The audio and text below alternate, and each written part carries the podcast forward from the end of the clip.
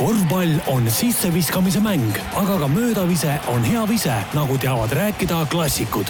õigel hetkel aitab aja maha võtta ja asjad selgeks rääkida Optibett, sest algamas on korvpall kahekümne nelja taskuhäälingu saade Möödavise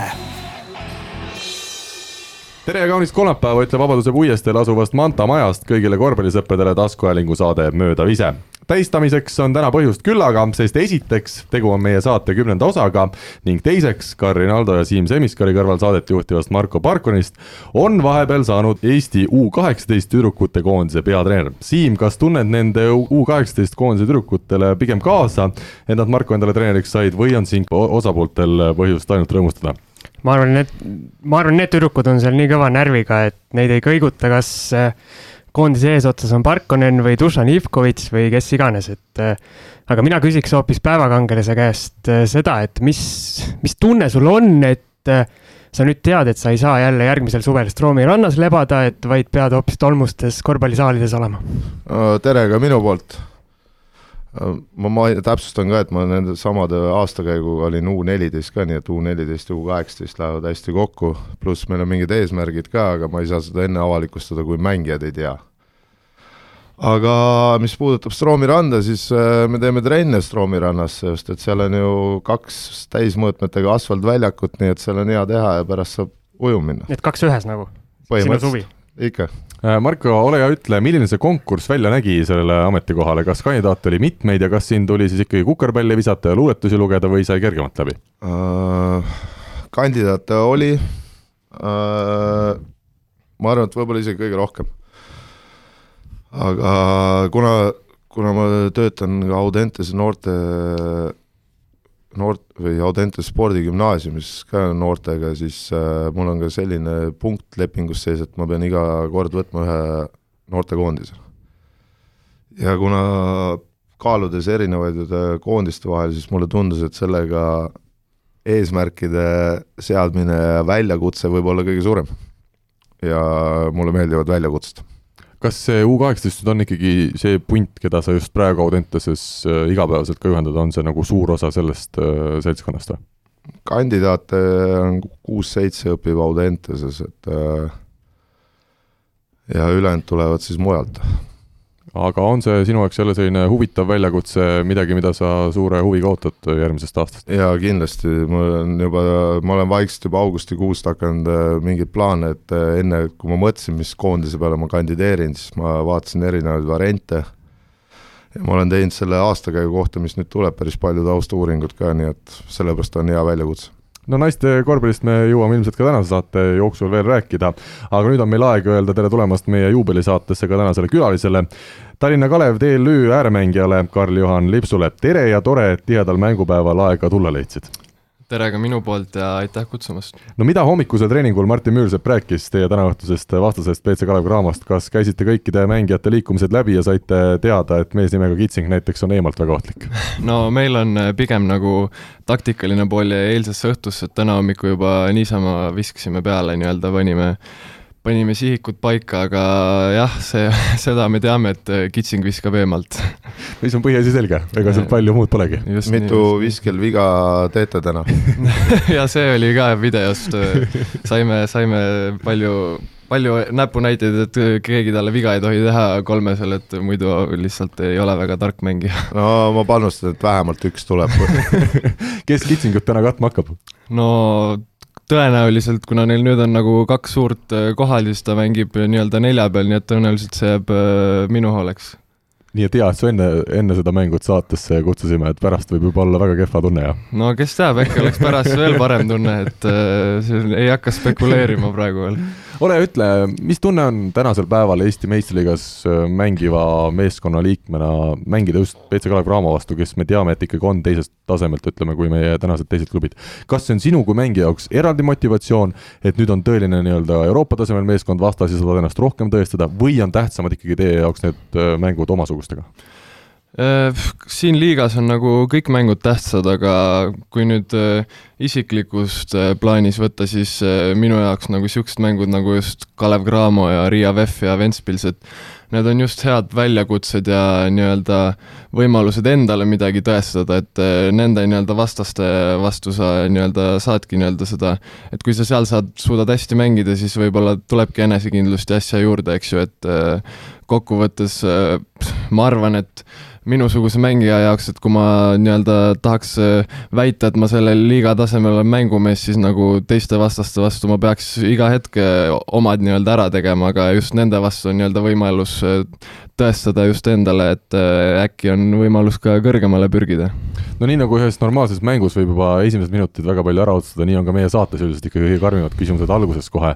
kui me vaatame tabelile otsa, ma ei tea, palju te üldse seal meeskonna sees seda tabelit tänavu olete tahtnud vaadata, üks võit ja kuus kaotust. ole hea, ütle, milline see seis hetkel selles äh, Tallinna Kalevi meeskonnas on? no selles, seesama tabeliseis, eks ju, ütleb ära, mis seis on, aga et äh, siin on selles mõttes, et siit saab ainult paremaks minna, et äh, kindlasti see, kus me oleme praegu, ei ole see, kus me oleme tahtnud olla või kus me arvasime enne hooaega, et me oleme, et äh, pinged on üleval nii omanikude poolt kui sponsorite kui treenerite poolt kui ka mängijate poolt, aga me nagu üritame ikkagi kokku hoida ja siit nagu välja tulla, et ega muud moodi siit välja ei tule kui nii-öelda võistkonnana. et äh, keegi, ma arvan, siin individuaalselt meid äh, tõstma siit välja ei hakka. et minule meenub eelmisest hooajast, kui te Eesti-Läti liigas jäite ka play-off'ist välja, lõpetasite Estikate hõbedaga, et kas üritate sama nii-öelda šablooni kasutada, et e e Eesti-Läti liigas lasete nii-öelda kergelt äh, ja siis Estikateks keskendute? Äh, ei, ma, ma ei ütleks seda, et ma arvan, et äh, kindlasti me väga tahaksime see aasta just sinna Eesti-Läti play-off'i ka saada, et äh, noh, üks asi nüüd on see tabeliseis, et see võib nii-öelda kõlada väga absurdsena, aga olles selles protsessis sees ja nähes, mis nii-öelda mängija profiilid meil on, ma ütleksin, et see on nagu individuaalsete oskuste poolest parim sats, kus ma olen olnud, aga lihtsalt need pusletükid kuidagi ei ole üldse nagu kokku jooksnud, aga ma arvan, et kui me suudame selle nii-öelda hooaja lõpuks äh, nii-öelda käima saada ja just jõudagi sinna play-off'i, ma arvan, et me tõesti võime ükskõik kellele seal vastu saada lõpuks. ma igaks juhuks panen väikse mõttetera siia juurde, et äh, ei tasuks eriti selle plaaniga minna, et hoiame ennast kevadeks, sest et äh, Eestis saab ju play-off'i ainult kuus satsi, nii et kui sa oled äh, lõpus enne, siis ei pruugi Eestis üldse play-off'igi saada, nii et iga võit on tähtis ja viimane kukub veel meistriliigast välja ka, nii et. absoluutselt, absoluutselt. no sa ütlesid, et äh, meeskonna individuaalsed äh, oskused justkui peaksid olema küllaltki head. Äh, muidugi keset hooaega veel enne õhtust mänguga sa ilmselt kõike meile siin täna rääkida ei saa ja ei tahagi, aga mis see peamine probleem on siis olnud, miks meeskond ei ole mängima hakanud nii, nagu te tahaksite? no see selles mõttes, et suur asi on kindlasti see, et kes nii-öelda meie võistkonna käiguga nii-öelda tihedamalt kursis on, on siis, et me hakkasime treenima võistkonnaga koos septembri algusest, tavaliselt meeskonnad hakkavad augustis treenima ja meil ka on juhtunud niimoodi, et põhimõtteliselt septembrist kuni hooaja alguseni meil vahetati mängijaid niimoodi, et iga nädal tuli uus mängija. see tähendab, et sa nagu treenerina Müürsepal on ka väga raske nagu nii-öelda viia samme edasi, kui me peame iga nädal hakkama uuesti uue mängija jaoks liikumisi läbi tegema, eks ju, ja temale nii-öelda neid põhitõdesid õpetama. ja nüüd ka siis äh, hooajasiseselt äh, sama, sama, samamoodi on meil mängijaid veel muutunud, et äh, ma arvan, et lõpuks ongi see, et kui me nüüd saaks nagu saaks nagu ühe pundiga nii-öelda koos paar kuud juba järjest olla, et küll see nagu läheb paremaks, noh milline Martin Müürsepp treenerina on, ta on ikkagi peatreeneri ametis veel jätkuvalt äh, väga noor, kas sa näed, et tal on palju veel arenguruumi või sa pigem leiad, et, äh, et tema sinule ja sellele meeskonnale võiks sobida? Äh, ma arvan, et ta peaks nagu sobima siia, et ta on niisugune rahulik treener, et noh, see on jälle see, et isiklikult mängijatüüpidele, kellele mis sobib, et ma olen enda nii-öelda lühikese karjääri jooksul nagu selles mõttes saanud väga paljude treenerite all olla, kes on just nii erinevad, et Kuusmaa, Andres Sõber, Indrek Visnapuu, Heiko Rannula, nüüd Martin Müürsepp, et kõik on nagu väga-väga erinevad, aga ma ütleksin, et Müürsepal on niisugune hea balanss just olemas, et tal ei ole nagu niisuguseid nõrku kohti kuidagi millegi kohta, aga samas ta nagu ei ole ka see, et ta nüüd ühele asjale jubedalt keskenduks. Marko, kuulsid, et Eestis on ka rahulikke treenereid? jaa, ma kuulsin, et äh, olen ka ise rahulik aga mitte treenerina. treenerina, katsetan, et äh, aga siit küsimus, et sa mainisid, et erinevad treenerid olevat mänginud, me kõik teame, mis iseloomud nendel treeneritel on, et milline treeneri tüüp sulle isiklikult nagu kas sobib või meeldiks, meeldib? no ma arvan, et äh, selles mõttes mul on nagu selles mõttes jälle ka raske sellele vastata selle, sellepärast just, et ma tunnen, et ma olen nagu iga treeneri all olnud nagu erinevas rollis nii-öelda.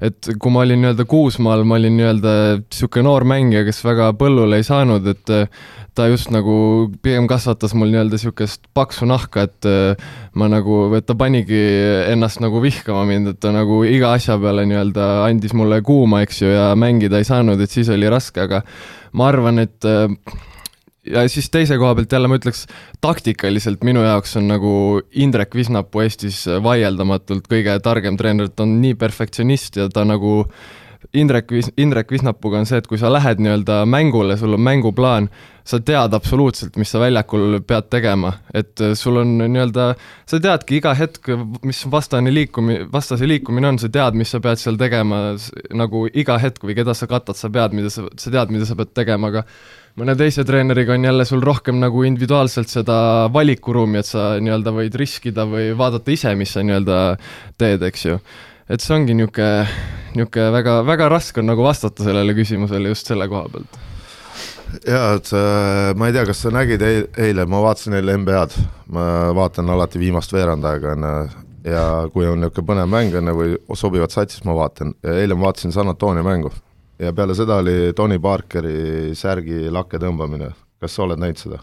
Ma seda särgi lakke tõmbamist ei ole veel näinud, aga ma juba nägin sealt Youtube'ist valmis, et ma nüüd peale, et peale äh, lähen. Iga seal, seal oli, seal oli hea point, et äh, noh, need mängijad räägivad nagu alati onju, ja siis räägiti Tony Parkerist, et kui ta läks sinna üheksateist aastaselt, et äh, Popovitš pani talle nii kõvasti puid, et nagu teised ehmatasid ka ära, noh, Popovitš pärast nagu naljaga poolest palus vabandust kõikide asjadest, mis ta talle teinud on, onju ja Boris Dio rääkis loo, et kuidas äh, Parker, ta läks Parkerile külla perega.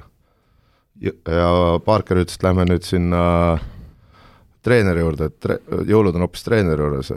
kogu oma peredega sinna ja mingi hetk oli Parker ja Popovitš lauast kadunud jõululaupäeval siis. ja ta läks neid otsima, tuias ringi mööda maja onju ja siis nägi, et nad vaatasid mingit mängu ja Parker sai kuradi puid.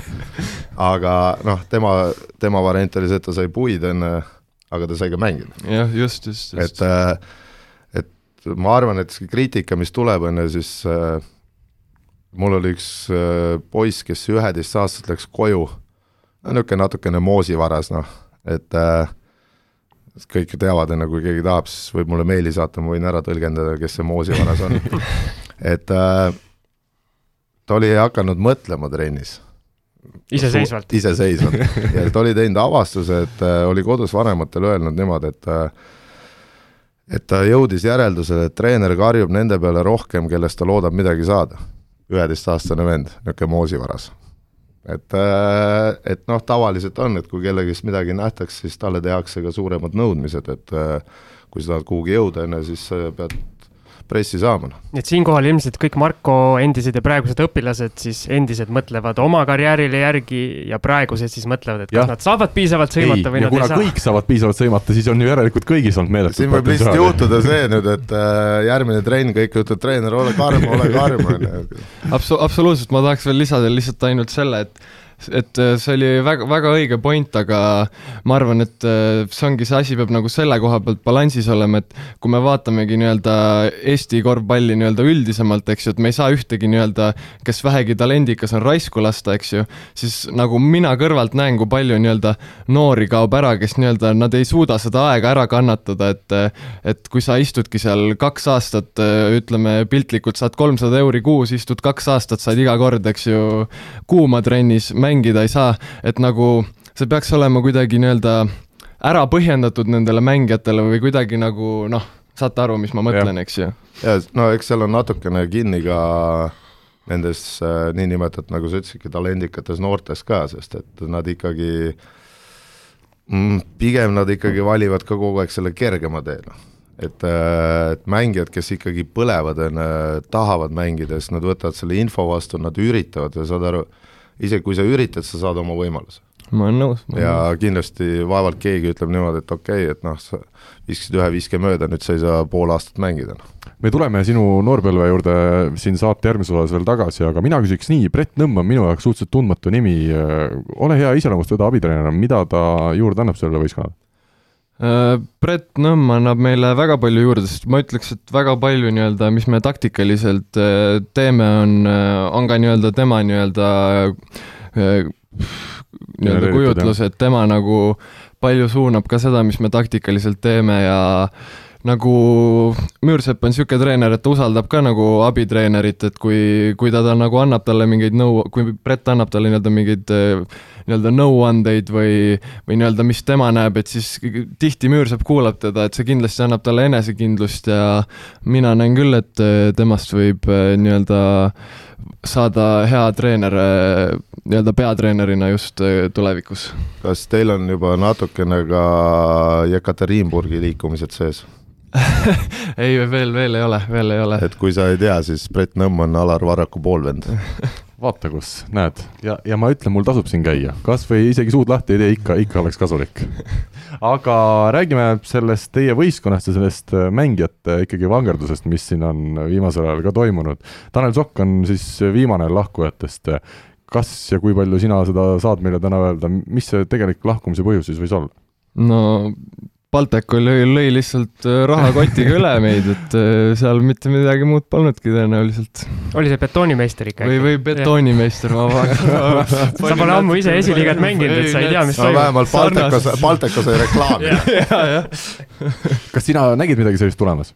oli seda äh. trennides kuidagi aru saada, et Tanel ei ei, ei näinud, ütlen ausalt, täiesti ausalt, ei näinud, üks õhtu tulin trenni ja kapten Maarja Paiste ütles mulle, et nii, et Tanelit täna enam pole ja nii on. muide, Maarja Paiste on Saaremaa kõige parem korvpallur. väga, vot, ja need on need me kohad. me võime pärast selle Saaremaa top, topi ka paika panna, et noh, ta vähemalt ise ütleb, et ta on kõige parem, ega ma ei näe ka tal konkurentsi. ma arvan, Timo Eifus saadab sulle ka meili. Muhu, Muhu jah. aa, ta on Muhu mees? ei, no kõik läheb sinna ah. ühte. Kajupank ei ole. Kajupank on ka, aga no Paiste, Paiste ütles mulle, et ta on kõige parem, nii et siis on Kaju, siis on Eifus, siis on äh, Annika Köster on ju, siis on see Tormi Niits on ju, siis on üks Tormi, kes läks Itaaliasse, siis on Rannar Raab, kuna ta on käinud on Saaremaal ja siis on vist äh, Lasnamäe heaolu linnaosa valitsuse vend on Jaanis Vahter on mingi kolmeteistkümnes või midagi taolist. Marko ei, siin ei olegi Marko topid on päris head, et ühe ei. saate peaks eraldi neile pühendama. Marko topid, see on ka aastalõpusaade võiks olla ja. meil kahetunnine. isegi jah, ei pea olema, et mille top, lihtsalt Marko hakkab nimesid ette lugema ja, ja juba on huvitav. võib nii olla küll jah, aga lähme siis edasi ehm, mis sa selle Taneli, ütleme, kuivõrd tähtis mängija ta teie võistkonnale oli tänavusel hooajal, kuidas sa teda hindaksid? no Eesti mõistes äh, ei ole ju äh, midagi muud öelda, ilmselgelt on tähtis ükskõik mis võistkonnale, ta oleks tähtis lüli, just need kogemused ja kõik asjad, et äh, mulle just nagu, mulle meeldis väga, et nagu Tanel oli selles mõttes meeskonnas, et äh, ta on niisugune nii-öelda professionaal ja see, mis inimtüüp ja iseloom tal on, et mulle väga meeldis seda nagu jälgida, et äh, just nagu, et kuidas peaks, eks ju, käituma ja ja ta ka andis minule väga palju nii-öelda nippe tihti, et noh, et kus ma võiks mingi nii-öelda tulla double tiimi või no mida iganes, eks ju, et mulle, mulle väga meeldis, et mul on väga kahju, et ta meie satsist ära läks. ja lisaks Tanelile oli teil niisugune mees nagu Kyle Ridley oli hooaja alguses, et äh, see mees äh, Martin Müürsepa hooajaeelsetes intervjuudes sai, äh, sai kõvasti, ütleme siis nii-öelda tähelepanu, et on kõva skoorimees ja niimoodi Müürsepp on lihtsalt kaval mees, ta viibki tähelepanu valedele meestele. viis mängu kirjas ja viimati mängis mees hoopis Kadrina Karude eest esiliigat, eh, kus jäi ühe punkti peale, et eh, mis temale siis nagu teie meeskonnas saatuslikuks sai, et ja ma lisaks veel, et nüüd on juba peale seda Kadrina Karud ühe punkti mängu, et ma lugesin Facebookist, et ta teatas, et tema korvpallikarjäär on läbi. ütleme, kui sa ikkagi Karudes ühe punkti viskad, siis, siis see karjäär ilmselt saabki kiiresti läbi nojah, ma arvan, et tema, ta oli jälle niisugune mängija, et ta tuli sealt äh, nii-öelda Ameerika kolmandast divisjonist ülikoolist, kus ta, eks ju, pani kolmkümmend punkti keskmiselt, eks ju, et mõtleski võib-olla, et niimoodi hakkabki olema, eks ju, ja siis samas tal nagu see enesekindlus iga mänguga nagu läks ära, eks ju, et kui tal need visked ei läinud ja samas ta oli nagu kaitses palju asju, mis oleks vaja nii-öelda juurde aidata, aga no ma ütlen, et ma arvan, et kui see on niisugune, et nagu ta oleks pidanud mingi projekt olema, et kui sa võtaksid, ma arvan, ta mingi kolmeaastase diilile, siis ta see kolmas aasta oleks siin liigas ka kolmekümne punkti vend, aga aga nagu hetkel ta seda nii-öelda võõrlegionäri kohta ei suutnud veel täita siin liigas. No jaa, aga ma mäletan, kui see meest tuli, siis minu meelest kella pandi igal pool, et nüüd tuleb hirmus äh, James Harden tuleb siia, et nüüd taob enne iga mäng ka kolmkümmend, et kuna ta kolmandas liigas USA-s pani kolmkümmend, et siis aga mis korraks puudutan seda Taneli teemat ka, ma arvan, et selle võistkonna kõige suurem kaotaja on äh, Ran Pehka. kuna ta on mängujuht enne, ma arvan, et Taneli käest kõik seda tarkust, kavalust ja seda oleks olnud tal ideaalne nagu see hooaeg õppida, noh. nüüd tal hetkel, kes tal teine mängujuht on seal? aga meil nüüd tuli see Matseika näed, ta juba nimepidi ka teab ka mängijaid, kes tulevad, see on ka hea, kuigi näiteks ma, tulevad ma lähevad. ütleks jälle vastu, et äh, kindlasti, aga ma ütlen, et Matseika ei ole ka selles mõttes halb vend, et minu arust nagu Matseika on niisugune ideaalne võõrleegion, et minu arust peakski olema, et kui sa Eestisse nii-öelda võtad võõrlegionäri, eks ju, siis ei saa olla see, et ta ainult toob sulle kakskümmend punkti, et ta peakski andma nagu midagi nii-öelda tagasi ka, et nii-öelda õpetama neid noori nii-öelda trenni nii-öelda neid habit eid, eks ju, ja kõike seda, aga meil pigem on nagu Eestis see, et tulevad siia mingisugused, eks ju, ameeriklased, kes ei viitsi nagu trenni teha ja nii-öelda noh, aga ma arvan, et Matseika on Runile väga hea, täpselt samamoodi nagu Tanel oli. okei okay,, aga nüüd teil on nagu põhimõtteliselt on kaks meest läinud, üks on asemele tulnud. jah. et äh, millal see bussijaamas seal seitseteist buss sinna spordihoone poole tuleb uue mustaga no ütleme niimoodi, et ma ei, ma ei, ma ei, ma täpselt ei tea, aga Õhtul nagu mängus. teades, teades, teades seda, et öö, olles siin klubis nii-öelda peaaegu poolteist aastat olnud, siis no ma eeldan, et öö, hiljemalt järgmiseks nädalaks peaks kohal olema Õht, õhtul mängus riietusruumis on üks mees tõuseb püsti, ütleb, et davai, kolm-neli, game time on ja siis kõik küsivad, et kes see mees on. aga mina nüüd äh, tulen vähe tõsisemaks selle kogu jutuga, olles nii-öelda mitte igapäevaselt enam korvpallis nii sees nagu Siim ja Marko. eelmisel aastal oli päris nukker vaadata, kuidas Gerd Kullamäe keset hooaega meeskonnast lahkus ja, ja ütleme, temal ikkagi sai klubi juhist enne Erik Jansoniga see, see nii-öelda võtmekoht, miks ta ära läks. Marko, kuidas sulle tundub, kas, kas, kas vaadates tänavu järgmine hooaeg jälle üks põhimees läheb ära, okei okay,, seekord mitte peatreener, vaid ütleme kõige kogenum mängija, siis Tanel Soku näol, kas seal võib olla ikkagi jälle klubijuhiga midagi seotud? et need nõudmised või need, või see stiil on liiga, liiga ekstreemne?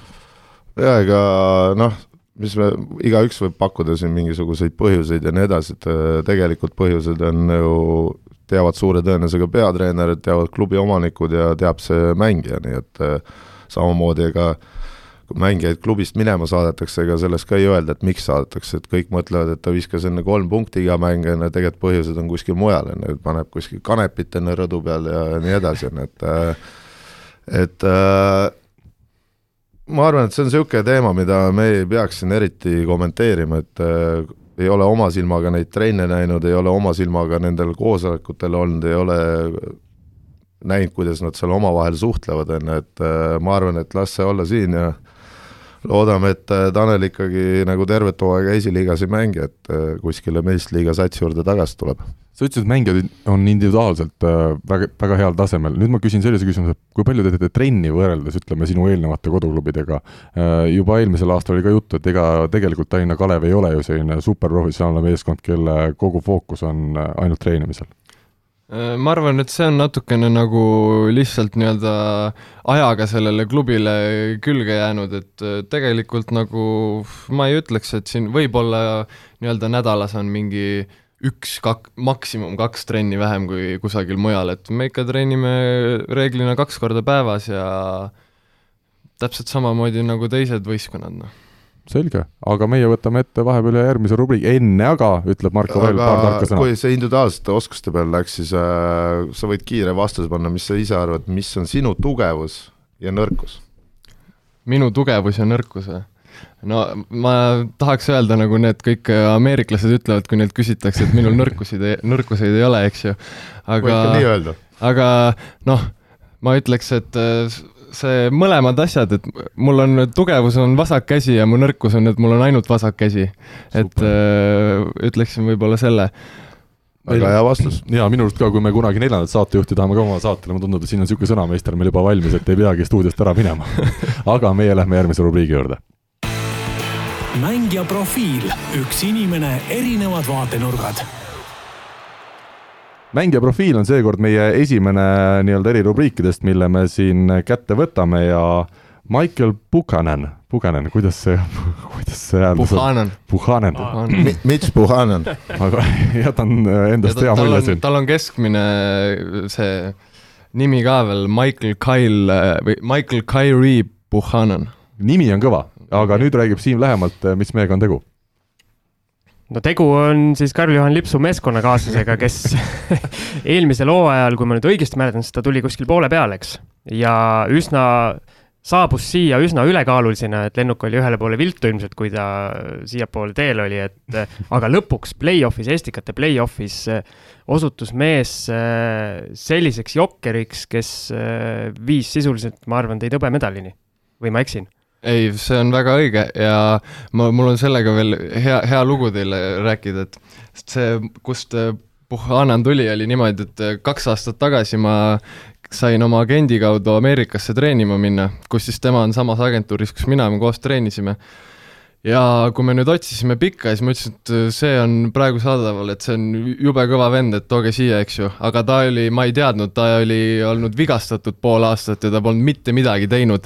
ja kui see vend tuli kohale, siis äh, treenerid ja, ja omanikud ja kõik vaatasid mind, et nagu mis, mis sul viga on, et mis sa meile tegid, eks ju. aga nägid, lõpuks ikkagi toimis, jah. no mina mäletan, kui see mees kui mina teda esimest korda nägin, te mängisite Viimsis, mängisite vist Tartuga, kui ma ei eksi. see veel äh, nii-öelda teie jaoks lõppes õnnetult, see mäng, äh, kui ma õigesti mäletan. saime jah, Gregor Hermet vist ja. pani seal lõpus. kogenud aga..., kogenud Janar Talts mõtles, et ei ole vaja blokeerida ära ja Hermetit ja Hermet tuli, võttis. aga seal oli kotti. see Buchanan, ütlen mina tema kohta visuaalselt küll, ta ei liikunud, ta oli äh, suur, igatpidi suur ja siis juba kõik äh, nii-öelda kuluaarides rääkisid, et no kuidas saab äh, noh, nii ebasportliku tüübi ja kuidas saab sellise mehe üldse tuua? nii aga nüüd me jõuame sinna, kus ta täna on. oota, Marko tahtis ka midagi öelda? ei, ma mõtlesingi, et sa paned nii, et panen pillid kotti ja lähme minema. ei, point ongi selles, et ta natuke, palju ta, kas ta praegu on kergem, kui ta tuli või on sama? mulle vähemalt visuaalselt tundub, et ta on nagu ikkagi suvel natukene rohkem valmistunud, et ta vist teadis suht varakult, et ta tuleb tagasi või öeldi talle kohe, et ja, ja ei, ta on kindlasti, ma ütlen, ta on kergem kui see, kui ta siia tuli kindlasti aga ma ei tea nüüd, kas ta kergem on, kui ta oli hooaja lõpus, seda ma ei, ma ei no ikkagi see on juba suur pluss, aga sama on see Skortsonitis ehk siis Baby Shack on, oli ka sada kolmkümmend kilo või sada nelikümmend, nende vendade vastu, kui nad on osavad, on väga-väga raske mängida, et see, kui ta ükskord üle tuleb, on ju, noh, Baby Shack oli ka kiire aga kui ta jõuab üle, on ju, teda on väga raske nagu kaitsta igal pool, on ju, ta paneb katteid niimoodi, et sa jääd sinna suure tõenäosusega kinni alati, korvi all ta trügib, sa saad enamus korrad pallid sinna alla panna, on ju, aga ma saan aru, et tal on üks miinus, et ta ei sööda välja. no küll ta, küll ta söötma hakkab. Et äh, see, see on nagu väga hea pluss, kui see mängija on osav, noh, kui ta ei ole osav, siis on nagu mõttetu neid tuua siia, me tõime siia Eesti koondisele ühe mängija kõik mäletavad, on ju, Jaan ja Montgomery. et äh, katsetati, katsetati, on ju, ei kukkunud ei kilos, ei kukkunud pallid korvi, on ju, noh, ega siis ei ole midagi teha, aga see mees nagu mulle isiklikult nagu on päris okei okay mulje jätnud. ega Marko seda suure kaalu asja teab, et kui ta ise mängib siin harrastusliigades, siis tal on ka oma positsioonil väga suur kaalueelis vastaste ees. ja ma, ma olen mõelnud ka, et äh, pool aastat, et ma olen vigastatud ja pole saanud midagi teha. aga tuleb vist see vigastus välja ravida, noh aga räägi, kuidas niisuguse meeskonnaga selle mängu ülesehitamine, öelda, palju ta sellest nagu sõltub, et ma kujutan ette, et ta ei ole ju kõige kiirem mees ja kõige rohkem võhma tal ei ole, et kas sellest sõltub ka teie mängujoonis natuke? Äh, no kindlasti sõltub selles mõttes, mitte just, eks ju, no rünnakul, mis seal on, võib-olla otsid, eks ju, nii-öelda low post'i rohkem, kui, kui sul oleks nii-öelda center, kes ei mängi nii hästi low post'ist, eks. aga kaitses on kindlasti nagu hoopis teistsugune, et seal on ikka niimoodi, et ütleme nii, et teised, teised mängijad peavad ikkagi kinni lappima natukene, noh. mitte just, no see ongi just nagu, et kui, kui vastastel on niisugused mehed, kes suudavad, eks ju, välja tuua perimeetrile sind, et et kaitses on jah vaja nagu kinni lappida, aga samas jälle lauapallide koha pealt annab jälle kõvasti juurde, et see ongi, ega iga mängijaga on plussid-miinused, eriti siin Eesti liigas, et sa ei toogi siia mingit perfektset äh, venda, kellel ühtegi nõrkust pole, eks ju.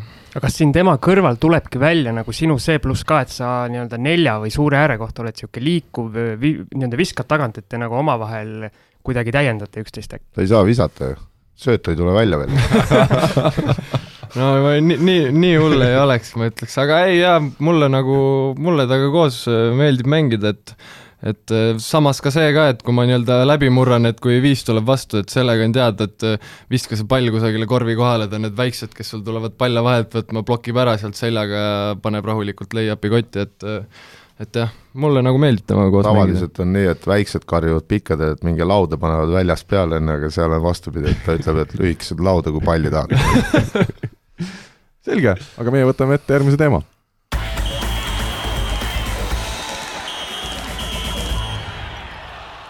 tuleme nüüd natuke sinu lapsepõlve juurde, su isa Valdo Lips on ju korvpallitreener ja tegelikult ta tegutseb ka advokaadina, kui ma olen õigesti aru saanud.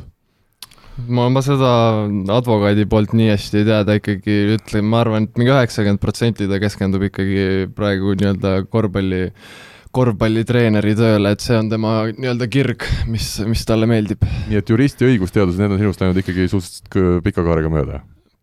põhimõtteliselt küll, et siis, kui ma nii-öelda, kui ma just lapsepõlve juurde tulin, kui ma laps olin, siis ta nagu oli pigem tegeles selle advokaadi tööga, et siis tema hakkas minu arust seda treeneri asja tõsisemalt võtma just siis, kui ma juba läksin ära Audentesesse, et minul nagu väga palju kokkupuuteid temaga kui minu treenerina ei olnud kas äh, lapsepõlves oli siis niimoodi, et kui sa olid salaja näiteks selle mingi Nutella saia teinud õhtul onju, jäid vahele, et siis isa tegi nagu viis minutit nagu kohtu case'i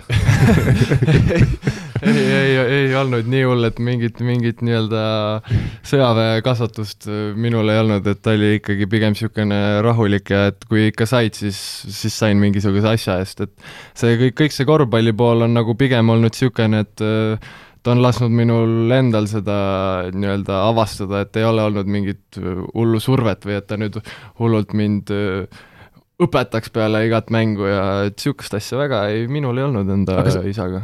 saan ma siis õigesti aru, et ongi, et äh, sinu puhul see, et ta oli endine, ütleme siis Eesti mõistes ikkagi tippmängija ja nüüd on korvpallitreener, et sinu puhul see nii-öelda ala valikut väga ei mõjutanudki?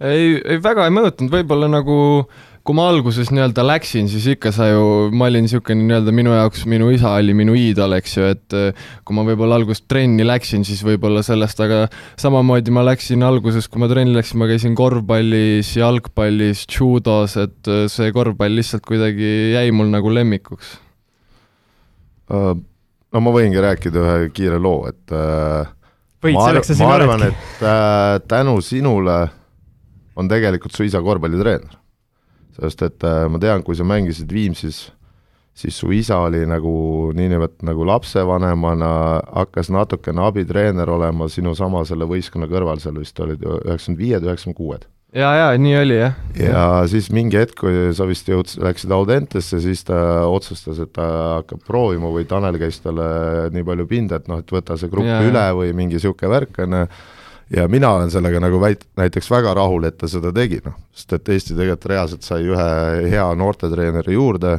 selle asemel, et kui ta oleks, nagu paljud teevad, et äh, näiteks oma laps enam ei mängi kossu, et siis ma ei viitsi enam midagi teha. et ja nüüd ta panebki nagu täiega, et ta on väga palju oma seda advokaadi asja äh, ära andnud ja nii edasi, nii edasi, et saada rohkem trenne teha, et äh, mina olen selle üle väga rahul, kuigi ta võiks nagu mõnikord kandideerida noortekoondise peatreeneriks ka, ma ei tea, miks ta seda teha ei taha, aga tal on mingi oma kana veits kitkuda seal kuskil. tal on jah mingid omad põhjused seal, ma ei ole ka väga süvenenud. aga Marko, kui palju sa mäletad Valdo Lipsu mängijana? oo, selle, mul on sellega ka oma mingi case kunagi, kui me seal, ta mängis Nüübitis onju. Ja siis, kui ma sain sealt ühe korra tribüüni pealt alla, sest et äh, minu Nüübiti trennid olid tavaliselt niimoodi, et me pidime tribüüni peal istuma ja ootama seda korda, kui treener äh, siis Tiit Sokk ütles, et noored, tulge alla, pange joonejooks onju. ja siis oli vist äh, esimene treeningmängu algus kohe, kuna Nüübit äh, valmistus seal vastase vastu, kes mängis maa-ala ja siis me pidime maa-alas olema. ja siis äh, vist oli niimoodi, et äh, tõmbasime alla, põlved sinised seal juba enne, kuna Kalevi spordihallis talvel on, on tavaliselt mingi kaheksa kraadi, aga istu seal nelikümmend viis minutit üleval, noh. ja siis äh, mäletan, et nad harjutasid seal mingit liikumist ja Valdo läks viskele, ma panin kulbi talle oi, ma olin nii happy, no ma põhimõtteliselt panin edasi-tagasi niimoodi, et äh, enam ei mahtunud ära, et põhimõtteliselt oleks pidanud kohad ära vahetama. siis läks järgmine rünnak mööda, onju, siis esiteks ta vist tegi mingi pette, ma olin jalad täiesti nagu sõlmes ja siis pani mulle selle kolmese niimoodi näkku ka, et ma ei saanud midagi aru, noh. ja siis kolmas rünnak, ma se- tegi viskepette ja siis ma tulin jälle noor, noor lendav orav onju, hops üles ja läks nagu postist mööda ja Tiit pani mulle puid ja noored platsi pealt ära ja kõik saime jälle istuda, oodata oma joone jooksuaega, noh. no sa oled täna kahekümne kolme aastane, palju sa nüüd tagasi vaatad ja näed, et äh, oh, noorena ma olin ikka rumal ja oleksin võinud veel paremini ja ütleme, tõsisemalt asju teha või sa sellist asja enda puhul ei ütle, et sa oled alati täiega seda korvpalli mänginud? Ma ei, ma ei ütleks küll, mis seal ikka tagasi vaadata, ega mingit äh, nii-öelda asja tagasi ei saa ju võtta, et äh, eks, eks kõik äh, nii-öelda kõik juhtub põhjusega, võib-olla ainus asi, millest mul nii-öelda veits on kahju, on see, et kui me nüüd näeme, et äh, kõik noored lähevad juba, eks ju, kuueteistaastaselt, viieteistaastaselt lähevad juba kusagile nii-öelda välismaale, saavad kusagile minna, et see just hakkas nagu toimuma siis, kui mina olin juba niisugune kaheksateist, üheksateist, et nagu selleks, et sa seal kusagil Itaalias või ma täpselt ei tea ka, kuidas sa seal Itaalias, Hispaanias saad nii-öelda kohalikuks mängijaks, sa peadki minema vist mingi kuueteistaastaselt mm. -hmm. et sellest mul on natukene võib-olla kahju.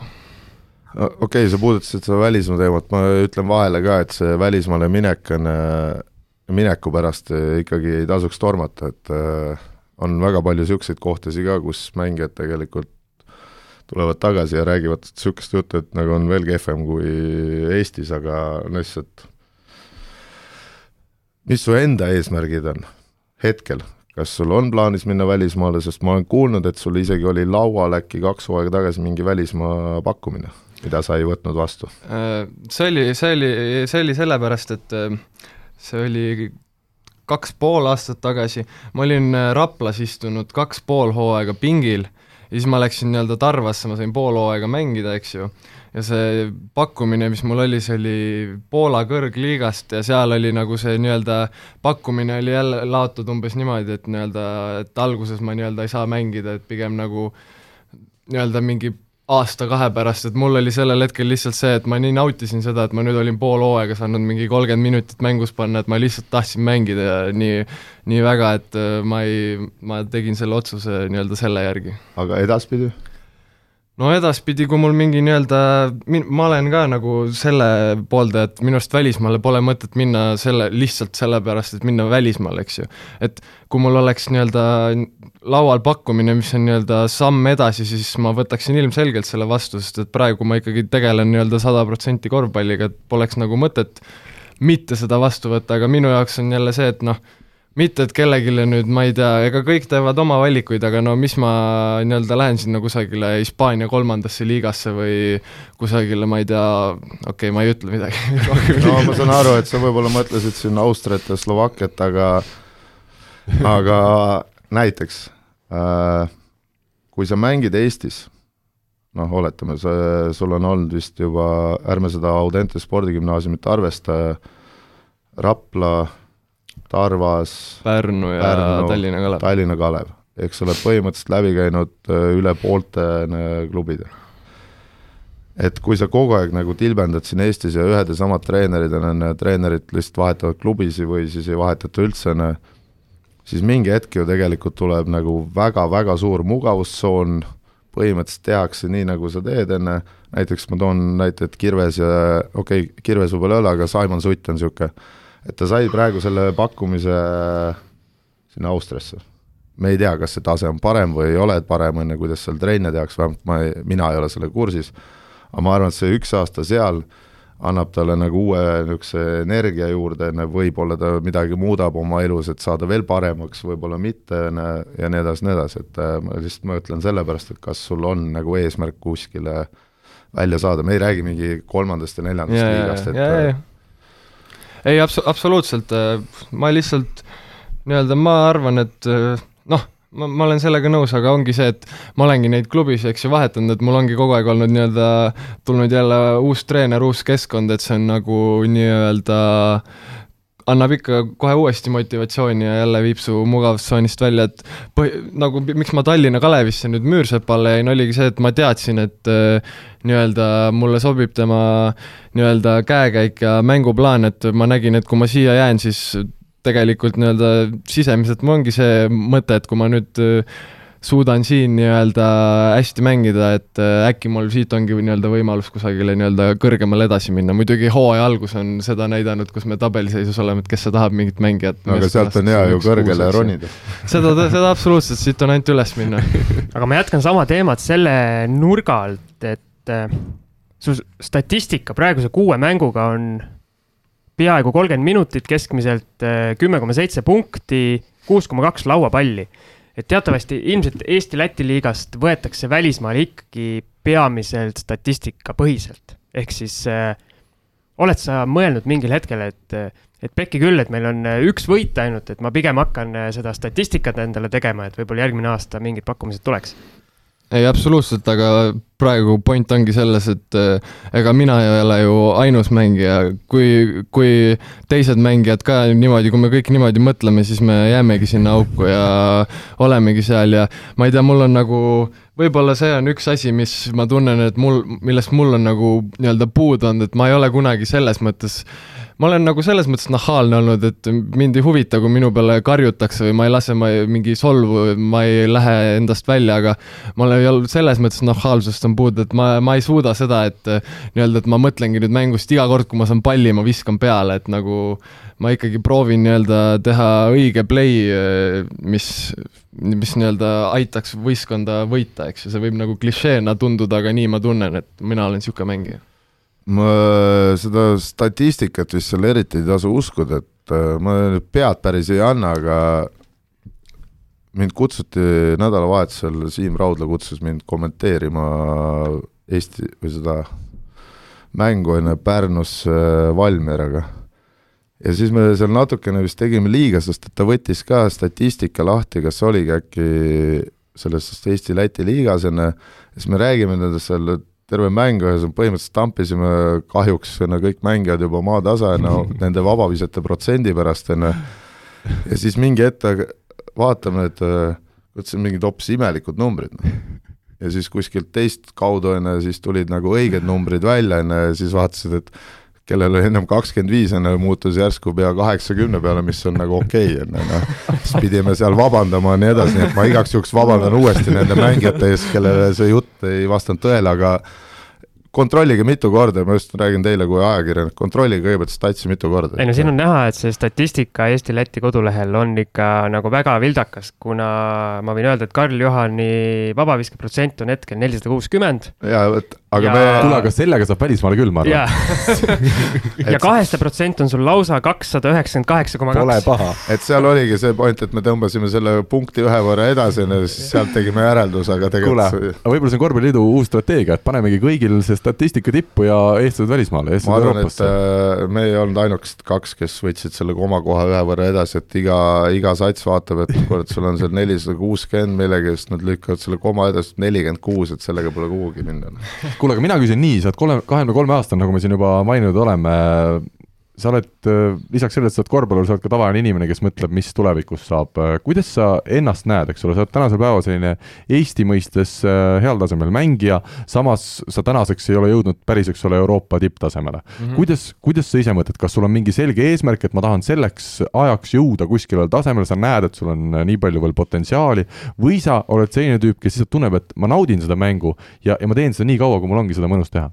Natukene, natuke nii-öelda mõlemat, et selle koha pealt äh, nii-öelda ma olengi enda peas mõelnud, et ma nagu pürgin, eks ju, selle poole, et kõrgemale jõuda.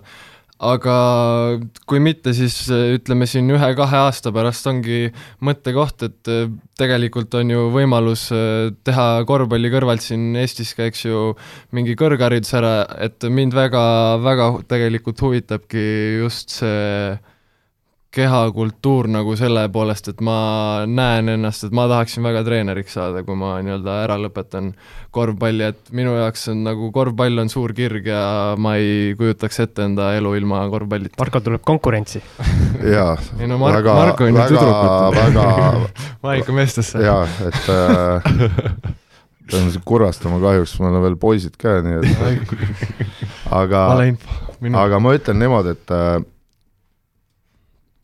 Eestis ongi nagu üks võib-olla viga, noh, ma ei tea, kas viga, aga see eriti lööb praegu välja nendel viimastel hooaegadel, et äh, neid mängijaid on meil kõ- hetkel väga vaja, kes äh,, kes on meistriliigas mänginud, ütleme viis-kuus aastat, nad ei ole võib-olla edukad ega nad ei arva, et nad Euroliigasse jõuavad äh,, mitte nagu noh, nad lihtsalt mängivad. et igas satsis meil on paar niisugust venda, kes on tegelikult mänginud umbes seitse aastat meistriliigas et äh, kuidas me need noored üles toome, kui need vennad nagu päevapealt enne kahekümne viieselt ütlevad, kuule, ma enam ei viitsi mängida, et siis tulevad noored, arvavad, et niisugune ongi Kossene, siis lähme Valmierasse, meil visatakse äh, kõik äh, need punktid täis, sama hea näide on näiteks see Tartuga, need kõik hakkasid rääkima, on ju, et Ventspilsi käest saadi suur, on ju, pakk, on ju, vahet ei ole, kui sa lööd rosteri lahti ja vaatad sünniaastaid, siis seal on enamus mehed on üheksateistaastased. nii ja nad ei olegi harjunud, neil ei ole isegi trennis neid vendasid, kes on mänginud näiteks seitse aastat meistriliigas või kaheksa aastat, et kelle vastu proovides, nad teevad ju trennis omavahel trenni. noh. ja sest Tartu nii-öelda eestlastest liidrid on ju Gregor Hermet ja, ja., ja Robert Valge, kes on ka tegelikult ju kui Eesti mõistes ikkagi veel noored võtame mängijad. Läti ülikooli ju, siis Läti ülikoolis kõige vanem mängija on äh, üheksakümmend seitse sündinud. ehk äh, nemad on nagu noored, aga neil on see vaheetapp meeste vahele.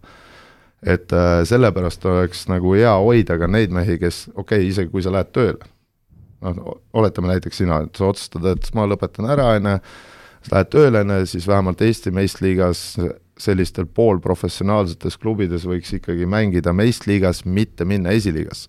sest meil on vaja neid noori, kes vähemalt siin suudavad mängida, noh.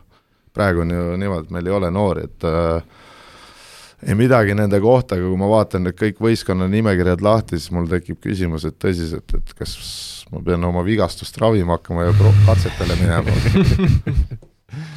väga hea, selle teema me võtame siit nende sõnadega kokku ja läheme küsimusmängu juurde. küsimusmängu toetaja on teamshield.com oma disainiga spordi ja vaba aja riided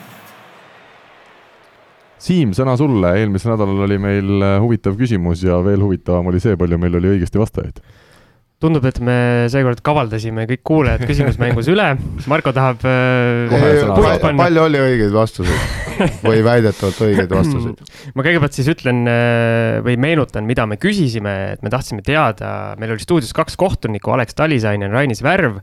me tahtsime teada, mitu korda või tähendab, kes neist on äh, Marko Parkoneni kui mängija väljakult äh, eemaldanud. väga lihtne vastus ju Va, vaatasin, milline Marko on, eks Jah, ole. minu meelest ka nagu vastus nii-öelda karjus äh, nii-öelda näkku või mikrofoni, aga sa tead? no ma pakun Alex Talisaineni see on pooleldi õige vastus. või mõlemad või? just, et õige vastus oli mõlemad. ja kuna seal on ainult üks vastus, siis äh, ja ma pärast mõtlesin ka, et huvitav, millal see olla võis, siis mulle ei meenunud. ju siis nad valetasid siin. ah, ei, aga sisuliselt umbes fifty-fifty tuli vastuseid nii Alex Talisainen kui Rainis Värv. aga mulle ei meenunud, et nad mind no, sina oled juba vana mees. no aga see on ju sul, kui sind iga mäng saadeti välja, kas sulle ei meenugi kõik need kohtunikud, kes sind ära saatsid? aa, võib-olla see, et ma läksin lihtsalt varem ära, nemad arvasid, et nad saadavad ära. kas on teada ka, kes see õigesti vastas? see on kindlasti sealt atleetide klubist ei ole. Ei ole, et äh, ühesõnaga ainus õige vastus, äh, mida me loeme õigeks, oli siis mõlemad, kuigi tegelikult eraldi Rainis Värv ja Alex Tallisen olid ka justkui õiged vastused. siis ainsana suutis õige vastuse edastada meile äh, korvpalli24 portaali kaastööline Raivo Tammus. ai, ai, ai. Äh, siinkohal äh, ütleme ausalt, et mingit kokkumängu ei olnud, äh, mees vastas oma teadmiste põhiselt, ju siis ta tunneb nii-öelda Marko neid iseloomuomadusi piisavalt hästi, et julges pakkuda et.... võib-olla ta oli pealtvaataja. võib-olla, et Raivo on siis seekordne võitja, kes saab endale Team Shieldi poolt tehtud erilahendusega korvpalli24 särgi jah, aga meil on uue nädala küsimus ka ja ei pea vist äh, väga suur hiromant olema, et teada, kelle kohta see küsimus täna tuleb. küsime siis, mis on Karl-Juhan Lipsu lauapallide rekord ühes mängus kõrgliiga tasemel ja küsime ka, kelle vastu see rekord sai püstitatud, nii et seekord natukene lihtsam küsimus äh, ühtpidi, teisalt jälle on nagu valikuvariante rohkem kui kaks tükki või kolm siis ütleme tegelikult lõppkokkuvõttes. ja vastustest saab saata info, et korvpall kakskümmend neli punkt ee või korvpall kahekümne nelja Facebookile ja sõnumitesse, meie läheme siit aga edasi.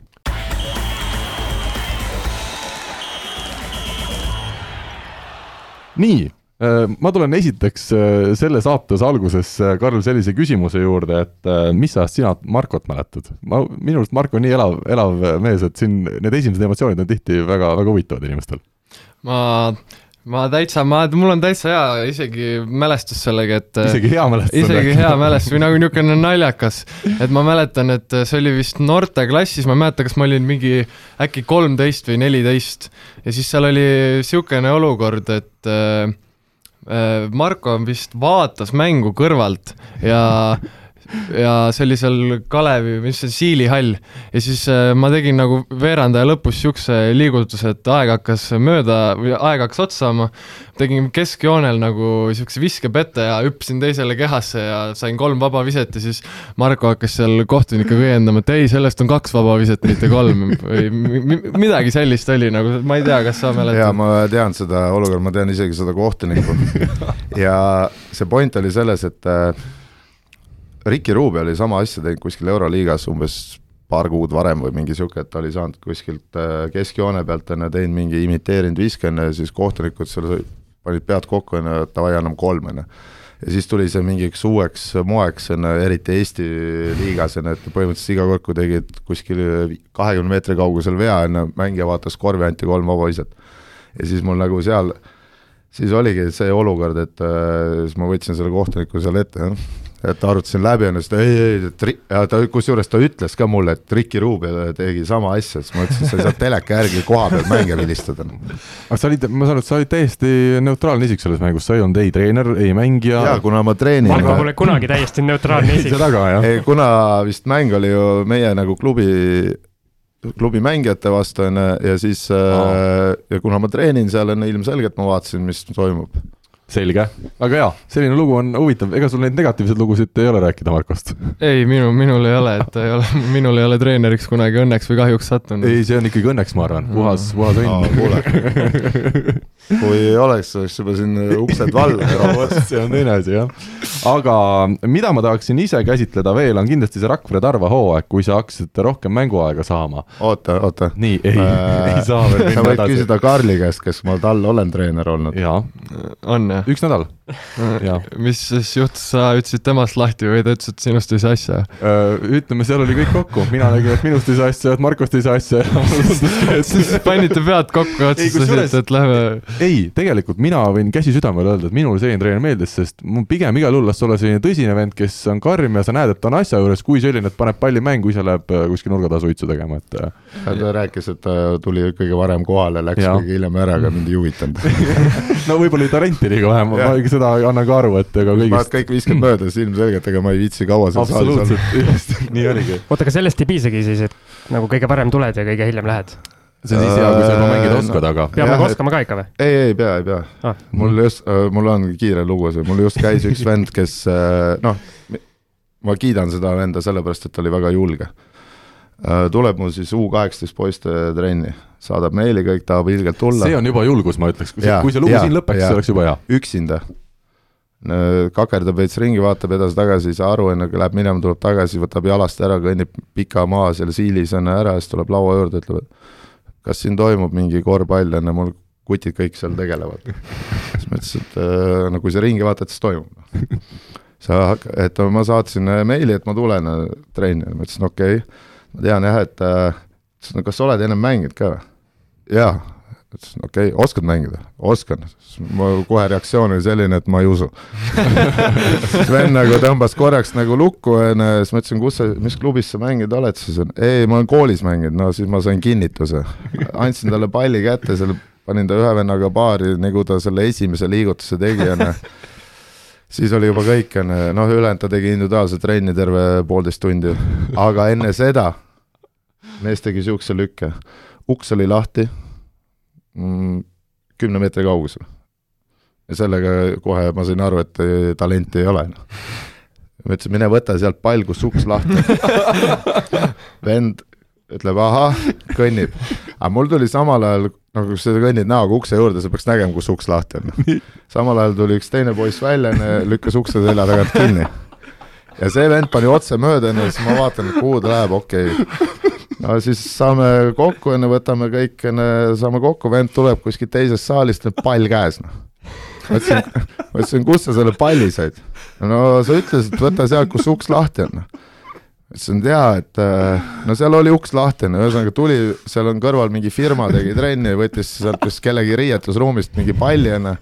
ma ütlesin, vii see tagasi, et uks oli siinsamas lahti, et sa ei mäleta või? siis ja pärast ma ütlesin talle ausalt ära, et, äh, et uks on seal. et ei, ei, ma ütlesin talle ausalt, et, et, et minu grupis ei ole kahjuks midagi teha, et noh ta peab minema sinna, kus on mingid algajad. et siis ongi, mina, mina mäletan, mina selle palli aga vend on seitse, vend on seitseteist noh ja üksinda trenni, isegi mina ei julgeks minna kuskile äh, trenni, mida ma ei ole umbes elu sees teinud, on ju, arvan, et ma olen teinud mm, -hmm. aga siis lähed mingi umbes nii et tugev, normaalsesse võistkonda ka veel treenida. ma lisaks, et kui, kui sa arvad, et see on julge, siis eelmine hooaeg meil oli niisugune episood, et äh, toimus trenn Sõles, eks ju, ja siis seal käivad ju need, äh, mis need on nüüd, immigrandid või mis need mustad poisid tulevad siia sisse, eks ju.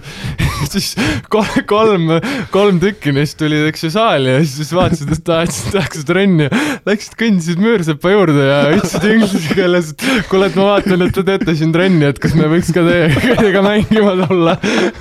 no näed, Marko, nüüd ei pea enam isegi bussijaama kõrval trenni tegema, et isegi Sõles on juba. ja, ja, ja Müürsepp oli veel nii hea inimene, et kuna seal on nagu üks peaväljak ja siis seal kõrval on nagu korvid, siis ta ütles, et näete, võin, võite minna visata sinna korvi peale, noh. ma mõtlesin, et nii need kolm legionäri jõudsidki teie võistkonda aga okei okay,, nii, Marko personaalnurgake meie tänases saates on jälle kenasti jõudnud lõpukorrale ja saame minna tõsisemate teemade juurde, see Rakvere Tarva aasta, ole hea, räägi Andres Sõbrast ja tema käe all mängimisest, Eestis on väga nii-öelda mitmesuguseid arvamusi sellest, kuidas Andres treenib, kas see on õige või vale tal on tulemusi, seda me ei saa keegi eirata, järelikult on midagi ta ikkagi elus ka igal juhul õigesti teinud ja kui ta seda saadet peaks kuulama, siis tervitame teda. aga ütle, milline see aasta sinu jaoks oli? see oli tegelikult, see oli pool aastat, aga see oli selles mõttes niisugune nii-öelda noh, lõbus aeg, et noh, me olime seal Postiga koos ka veel, kes mu parim sõber on, eks ju, ja selles mõttes, et no ongi, sa võid öelda ükskõik, mida sa tahad ta kohta ja teha nii-öelda nalja tema juttude üle, aga ta lihtsalt, tema all sa mängid, sul on, mul oli veel Raplast tulles niisugune, et enesekindlus täiesti maas, tead, Kuusmaaga üks palli kaotus, kuradi, mina istusin sinna pingi lõppu, eks ju. aga lihtsalt lähed ja ta lihtsalt annab sulle enesekindluse, et mul, no ma ei tea, see võib jälle naljakas, see on jube nagu niisugune naljakas jutt kõrvalt kuulata, aga ma mäletan, et ma olin äh, treeninud seal siis mingi kolm päeva äkki. ja siis meil oli mäng, oli, oli siis järgmine päev ja vend peale trenni, ma istusin siis kusagil seal kõrval pingi juures, tuleb, istub minu juurde, eks ju, kõrvale, hakkab rääkima ja siis ütleb, et noh, et oled siin meie tiimi näinud, et mis tunne on, et äh, siis ma ütlesin, et no ma ei tea, et vaatame siis homme mängus, et kuidas välja tuleb, eks siis ta ütles, et ei no, kui sa, no sa oled tark poiss, et sa saad aru, et äh, meil on ikka, me oleme ikka suht sitad, et äh, et sa pead, sa pead nüüd meie tiimis niimoodi, et sa pead olema nagu, kes seal on see Oklahomas, see Russell Westbrook. sa pead viskama punkte, võtma lauapalle ja andma sööte. Aga vaata, et sa liiga palju sööte ei anna, sest nagu ma ütlesin, need vennad ei ole meil just kõige teravamad pliiatsid siin. et noh, see ongi niisugune naljakas äh, lugu, eks ju, aga samas, kui sa mängijana oled, sul endal natuke nagu mingi nurga alt ongi naljakas, aga siis sa lähed koju, mõtled, et oh, okei okay,, see treener tõesti usub minusse, eks ju. et nagu, eks ta ole niisugune piinatud geenius, et noh, jah. ja, ja kokkuvõttes ütleme, sealt sa said selle enesekindluse siis kätte sellest, sellest perioodist. jah, kindlasti. Marko? Ei olegi midagi lisada? ei, mul hetkel ei ole küsimusi, sest et äh, okei okay,, ma võin küsida kiire küsimuse, aga me vist peame hakkama varsti lõpetama. meil on veel üks rubriik võtta, aga ei, kiirelt ikka jõuame kuulata sind. suvel kolm-kolm uh,, mm, kvalifikatsioon, EM oli ka kvalifikatsioon. kuidas sa selle kokku võtad, sest et uh, ma võin öelda nii palju, et ma nägin MM-i mänge, ma nägin uh, vist EM-il ühte mängu, aga EM on lihtsalt see, et kaotasite noh, olgem ausad, nagu niinimetatud korvpalli mõistes nagu mitte väga kõvadele riikidele, mitte selles, et seal mängijad on kas on mm -hmm. head või halvad, sest Mongoolia ei ole ka nagu viis-viis kossus mingi maailma parim, aga kolm-kolmes on, et kuidas sa selle võtad lühidalt kokku, me saame aru, et teil ei läinud nii, nagu pidi minema mm, -hmm. et aga lihtsalt, et kuidas sulle see suvi siis nagu istus selle värgiga? No eks kindlasti nagu me ju ootasime mõlemast turniirist enamat. et äh, selles mõttes, no ma sellel EM-kvalifikatsioonil nagu nii palju isegi pi-, ei peatuks, seal meil ei olnud enam see sats, kes meil oli MM-il, me ei olnud selle satsiga nii-öelda niimoodi koos treeninud ka, et seal on ikkagi, need neli venda peavad omavahel väga hästi klappima, aga ma ütleks, et see MM, see oli noh, ei läinud, kuidas pidi minema, aga või kuidas tahtsime, et läheks, aga väga hea kogemus oli ja just selle koha pealt, et äh, mul oli see nii-öelda esimest korda, kui ma sain nii-öelda kõrgemal tasemel kolm-kolme mängida. et ma olin harjunud siin Eestis, et äh, etappidel, eks ju, et äh, võtad nullist tšeki, eks ju, ja lähen jõuga vasakule power layup'ile ja üks pluss üks, eks ju.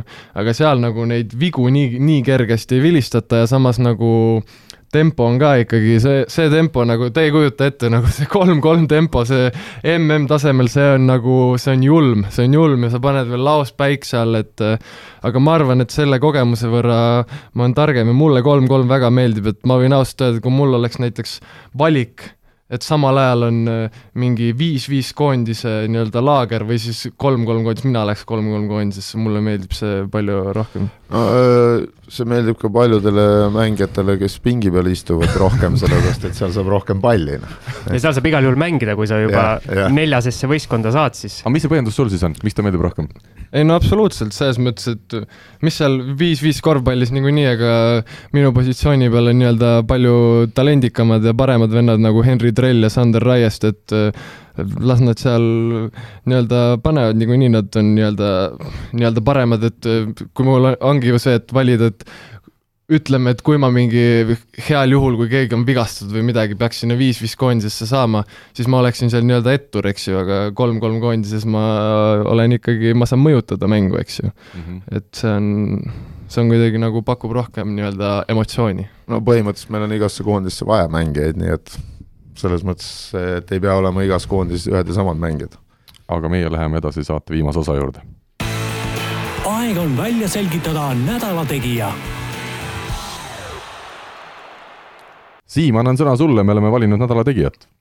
jaa, Facebookis korvpalligrupis korraldatud nädala tegija küsitluses eh, võimutses sel korral siis Rakvere Tarvas, kes sai kiita võõrsil teenitud kaheksakümmend üheksa, kaheksakümmend üks võidu eest Rapla üle. et Tarvale andis oma hääle kaheksakümmend kolm inimest ja vaatasin ka välja, et seal oli näiteks teiste seas tunnustatud mälumängu entusiast Jaan Allik ja hetkel esiliigas pallib Martin Jurtom et tervitame neid mehi hääle andmise eest. Ja siis kolmekümne kahe häälega sai teise koha USA-s oma ametliku ülikooli debüüdi teinud äh, Artur Konatšuk, kes viskas seal kolmteist punkti ja haaras neli lauapalli. ja kolmas oli kahekümne ühe häälega Gerg Riisa Leedu kõrgliiga klubisse Brenai äh, siirdumise eest et äh, ma siit jätkaks ise, et Tarval on hetkel siis tabelis neli võitu ja neli kaotust, et me siin, siin saates oleme ka rääkinud, et äh, see on nagu üllatus, et äh, see meeskond on hetkel isegi play-off kohal ja neid võite kogunud, et Karl-Juhan, kuidas sul on, et kas äh, saab öelda, et Tarvas on tänavune üllatusmeeskond või siis, kui juba Veidemanni kaliibriga mees on nagu tiimis, et on see üldse õige niimoodi küsida? ei no kindlasti see on mingil, mingil määral üllatus, aga noh, vaatame, mis seal mingi kolme-nelja kuu pärast seis on, kui need nii-öelda vanemad mängijad, kes siin on nii-öelda terve suve saanud puhata, eks ju, nüüd siin panevad seal kolmkümmend minti ja kui ma ei tea, kui Veidemann peaks detsembris kusagile Itaalia poole suuna võtma, et vaatame, mis seal siis saab, noh. ma saan aru, teil on plaan ikkagi neist mingi hetk mööda purjetada ei no plaan on, aga noh. see on, see on, müürseppel ongi esimene asi seal liiklus. mul ei ole praegu nagu üldse midagi, et millega nagu nii-öelda back up ida enda sõna siis ma nagu ei hakka mitte midagi tulistama praegu, et me oleme üks kuus, me saime Tarvalt ise ka kotti, nii et ma ei, jah. aga Marko, äh, vaatasin Basket TV-d, tublit saadet ja Ats Kuldkepp Peepi tervitan ka siinkohal, aga e, Marko, ma vaatasin ikkagi, et Veidemann ikkagi lähebki vist ära, tundub. vähemalt seda juttu kuulates, mis ta ütles, et tal ikkagi on plaan siin hooaja keskel minna, mitte nii, nagu sina siin ühes saates see on seesama, peaaegu prohvetlikult ütlesid. see on seesama nagu see, mis ta nimi oli, Riidli tuli, et hakkab kõvasti punne panema. et ta ei ole veel läinud, kui ta läheb ära, siis ilmselgelt soovin talle edu enne, aga ta ei ole veel läinud. selge aga lähme edasi vist, meil on saate aeg juba jooksmas nii kaugele, et lühidalt tahaks veel rääkida korvpalli Euroliigast ja, ja kuna Marko jälgib siin nädalas mitukümmend mängu, siis Euroliiga mängud kuuluvad nende hulka. mis sulle siin Euroliiga hooaja alguse ja viimaste nädalate puhul on silma hakanud? no nii palju on hakanud silma muidugi, see on no, selge. kuidas ma nüüd ütlen? ütle otse. ma ütlen nagu niimoodi, et kahjuks osad mängud kattuvad nagu see on äh, üks asi on viisteist pool tundi enne selle, kuna ma tahan nagu tervet mängu vaadata, siis mul käib närvidele. oot-oot-oot, ma viskan siia vahele, et NBA-s sa vaatad viimast veerand aega, Euroliigas vaatad kogu mängu. seal ei ole varem midagi vaadata okay et äh, ja NBA-s ma vaatan ainult teatud võistkondade mänge, sest Selge. et äh, seesama, kelle siin James Hardenit käisid läbi, ma ei viitsi seda Rocketsi jura vaadata ausõna see on lihtsalt nii, et me kaotasime see... praegu pooled kuulajad umbes. nelikümmend kaheksa minutit lihtsalt lambist panevad peale, mitte mingit tegevust ei toimu, ülejäänud ikkagi nagu mäng, üritavad kaitset mängida ja nii edasi. aga no seal on niisugune äh, case, et osasid mänge on nagu raske vaadata, sellepärast et äh, no ei saa kuidagi vaadata väga hea, selline teema arutlus, käsitlus. see oleks parimaid vastuseid täna minu meelest. et äh, mitte nagu, mitte mängu pärast ah,. Okay. muudel olulistel teemadel, et äh, osasid nagu raske vaadata või noh, et ma olen üritanud nagu vaadata neid võimalikult palju, aga mul on positiivne on see, mulle meeldib Armani nagu, nagu suht nagu hästi riidemärgina või, või meeskonnana? Ei, meeskonnal meeskonnana nagu, selge, jah. et kuna Armani on kogu aeg jätnud niisuguse mulje, et noh, nad on ilgelt hea satsi kokku saanud nagu paberi peal, on ju, ja siis nad panevad mingit täitsa suvalist kossu, et nüüd vähemalt neil on mingisugune idee sees. aga kui sa Armani mänge vaatad, kas sa lükkad need Armani dressid ka nagu tugitoolis jalga? mis sa oled sealt turult kuskilt ostnud kümne euroga? ma olen noortetreener, mul ei ole raha, et siin mingeid Armani dresse osta, et äh, ma, ma olen Eestis on need odavamad, ma, ma saan koondise juures Spaldingut, ma käin nendega. aga see Äh, mis üllatav oli, see Asvel on niisugune päris niisugune mõistlik sats, aga okei okay,, me saame aru ka, et mulle väga meeldis see kaks tuhat kaks vend, kuna ta kaks aastat tagasi või kaks suve tagasi ütle nimi ka, kellest sa räägid, kui sa tead. mingi Fults või Fritz või mis, midagi taolist oli, noh. ühesõnaga, igaüks vaatab ise järele. et äh, kaks, ta, ta oli, mängis päris suurt rolli Asveli mängust sees ka, kuna neil olid tagamängijad vigastatud, siis ta oli seal äh, ikkagi, kühveldas päris kõvasti, noh. Et ta mängis meie, vastu EM-il ka A-divisjonis U kuusteist, nii et, et see oli väga positiivne, kuidas selline noor pani ja ja isegi Karuba mäng mind nagu veits üllatas viimane kord Reali eest, et no osad mängud on nagu väga, väga heal tasemel, et ma loodan, et neid niisuguseid niisuguseid mänge ei tule, kus on mingi kolmkümmend sanga vahet, neid ma tõsiselt ei viitsi vaadata, et ja siis ja kui seal on veel mingi seitse inimest saalis ka ja seda või see stuudios keeratakse see saali melu nagu nii vaikseks, et nagu põhimõtteliselt nagu istud kuskil vetsus enne et äh, kuuled igat piuksu, põuksu enne ja siis nagu on mõttetu, noh. aga ei, ma, ma jälgin seda päris nagu isuga ja mulle meeldib seda vaadata, noh. kas Siim on vahepeal teinud äh, nime osas natukene nii-öelda korrektuure. jaa, kas sa mõtled Asvelis äh, seda kaheksateistaastast Teo Maledoni või? ei, ei, kusjuures temaga on lugu, ma olen äh, talle andnud trenne. see on vist Trelli eakaaslane, kui ma ei eksi. ta on kaks tuhat üks, Trell on kaks tuhat. kuidas see nüüd juhtus nii lühidalt? Äh, ma olin äh, laagris, kusjuures ta ei ole ainuke, kellele ma olen trenni andnud, see Barrett on ka. Kurutsid ja, ja nii edasi, ma olin Türgis laagris U neliteist, türklas maksis kõik kinni, siis seal oli see Maledon ja Kanadast oli siis see Päret ja Eestist esindas siis äh, Jaakson ja tüdrukutel oli kaasas siis äh, Ida Viktoria Vähi ja lätlastel oli Kuruts ja Maara Mote ja no ühesõnaga, seal oli päris palju igast talente ja kokku aetud ja siis seal nagu kuna pidi trenne tegema ja siis sai seal teha ja Maledon oli meie satsis ka veel. Aga treeneritele anti seal mingid satsid ja nii edasi. Lähme Euroliigast natukene kõrvale, Gerg Riisa siis ähm, saadeti Žalgirisest Brenaisse, kuidas sina sellesse otsusesse suhtud, on see üdini positiivne samm äh, või, või kuidas seda näed? mis ei tapa, teeb tugevaks, noh, et äh, kui mul see üle, ülemineku jutt tuli, siis ma mõtlesin kohe, et ma pean selle Leedu liigat ka veel kuskilt vaatama hakkama, et ma eriti, ma vaatan tulemusi küll, aga siis ma mõtlesin, ma peaks seda Brunei mängu nagu vaatama, et ma veel ei ole jõudnud. ma tunnistan kohe, nii et pole mõtet mulle mingit lolli küsimust panna, et kas juba vaatasid, et ma ei ole vaadanud. aga ma arvan, et äh, meeste vahel, kuigi Leedu esiliiga ei ole ka mingi kõige nõrgem liiga ja aga las katsetab, noh, eks seal äh, hiljem selgub, noh aga ma tõmban ikka Karl-Juhani ka korra vestlusesse, et kui palju sina muud korvpalli vaatad, äh, nüüd mängid ise Eesti-Läti liigat, et ilmselt seal nii-öelda kuskil nii-öelda pimedates ruumides vaatate neid videosid, mis on lahti lõigatud kõik, on ju. aga kui palju sa sellist nii-öelda fännina sihukest mitte seda, Karl, mida sa praegu mõtlesid no,. kui palju te vaatate? ma vaatan nii-öelda Euroliigat, ma vaatan nagu selle pilgu alt, et äh, noh mulle meeldib näiteks vaadata Himki mänge, sellepärast et äh, mul on niisugune nii-öelda Janis Timma on keegi, kes minu arust on nii-öelda parem variant minust nii-öelda või nagu ma proovin vaadata nagu mida tema teeb, et mida ma saaks paremini teha, eks ju.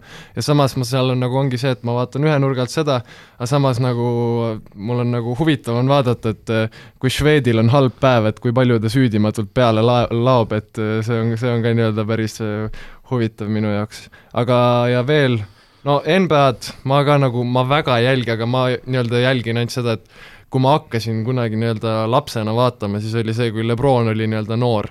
siis mul nagu Lebron on nii-öelda alati kogu aeg meeldinud, siis ma nagu nii palju vaatan, et ma vaatan selle Lakersi mängu highlights'e, eks ju, aga kui play-off hakkab pihta, siis ma hakkan nagu NBA-d ka nagu jälgima, ka seda regular season'it, noh. No mingi, ütleme, sa vaatad, eks ju, kaks minutit mängu, siis on time out, mis kestab kolm minutit ja siis time out'i ajal nad teevad neid äh, mänge seal ja. rahvale väljaku keskel, mida nad teevad, eks ju, Eestis, Euroopas poolajal, eks ju, et see time-out on nii pikk, et no ma ei suuda, see Täna, nii närvi. tänases mängus oligi see äh,, Juta oli, viis oli vahet. ja treener võttis sekund enne lõppu, Brooklyni treener võttis time-out'i ju siis oli üks tripsaptrull veel mängimata seal kaks minti seal joonistas midagi ja siis lõppes niimoodi, et söödeti pall kümne meetri peale, mingi vend pani peale. minul on üks, äh, üks hea jutt sellise asjaga, üks äh, tunnustatud Eesti treener, ma siin nimesid ei hakka mainima, oli niisugune olukord, kus äh, juhiti ka juba suurelt, seal võis isegi üle kümne olla ja võttis juhtiva võistkonna treenerina time-out'i, kui mängida oli mingi viis või kuus sekundit või midagi joonistati hullud kombinatsioonid ja vastaste treener oli selle peale nii närvis, et ta ütles mängijatele, et seiske lihtsalt ja siis eh, viimased kuus sekundit mängiti niimoodi, et vastased eh, viis mängijat kõik seisid ja siis see, see nii-öelda ründav võistkond, kes time-out'i võttis, jooksis selle rünnaku lihtsalt nii-öelda tühjalt läbi ja viskas korvi. mul on ka tehtud mingi kuus-seitse aastat tagasi, lätlased tegid, olid kolmekümnega ees ja siis võttis time-out'i siis joonistas midagi, ma ütlesin ka kuttidele, et nagu seiske siin, et las ta teeb asja ära, las ta harjutab, noh.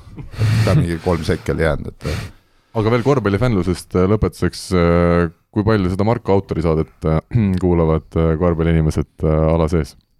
seda meie saadet. mis, mis saadet teie, teie no, saadet? meil on Marko autori Aa, saade põhimõtteliselt. no ütleme nii, et mitte nüüd, jälle ma loodan, et keegi nüüd isiklikult ei võta, aga no seda kohtuniku osa ma ei viitsinud vaadata, eks ju, aga ma ka ei kuulanud. aga, aga kui, kui, kui, kui siin mingid nagu huvitavad persoonid on, siis ma, siis ma nii-öelda ikka, ikka jälgin, noh. kas Kyle Ridley kuulas meid no need, ütleme jah, need, võib-olla need mõned välismaalased peaks sellele Puhanile ütlema, et kui eesti keelt tahad õppida, et siis vaata seda saadet või ma ei tea nii, aga äh, saate lõpetuseks me saime tänases saates teada, kuidas Andres Sõber suutis motiveerida nii, oota ei, Siim tahab ja, enne ja midagi siin oli, me tegelikult pidime sisse tooma ka meie naistekoondise, kes äh, mängib see nädal mängib see, mängib see nädal kaks äh, EM-valikmängu, et üks on juba siin neljapäeval ja teine on pühapäeval, et äh, Marko, sina kui naiste ja tüdrukute treener, et äh, mis võimalused meil on, et ütleme siis neljapäeval on Šveitsi vastu võõrsil, pühapäeval äh, Venemaa vastu kodus?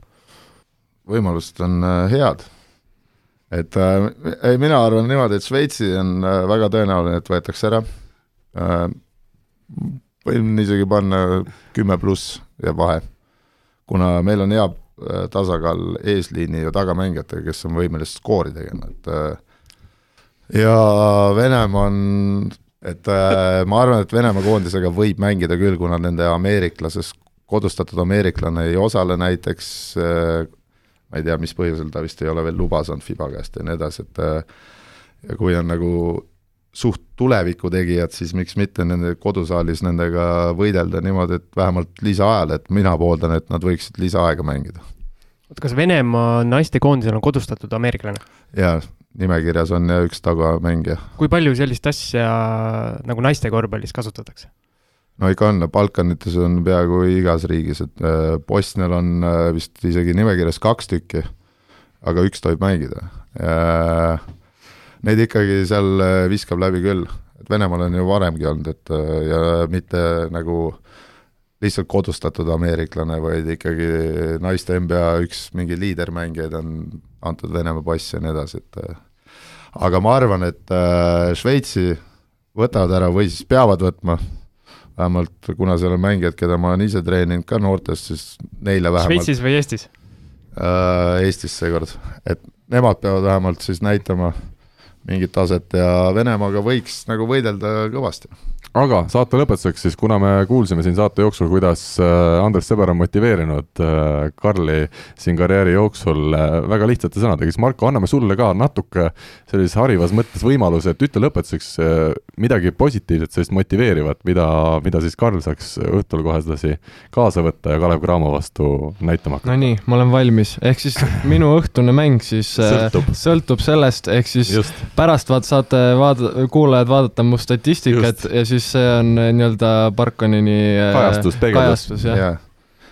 no siit tuleb äh, kolm sõna. viska sisse, kurat. ja selliste sõnadega me täna selle saatele joone alla tõmbame, aitäh, Karl-Juhan Lipp saatesse tulemast ja kõigile kuulajatele siis kohtumiseni juba nädala pärast. Kuulmiseni. Kuulmiseni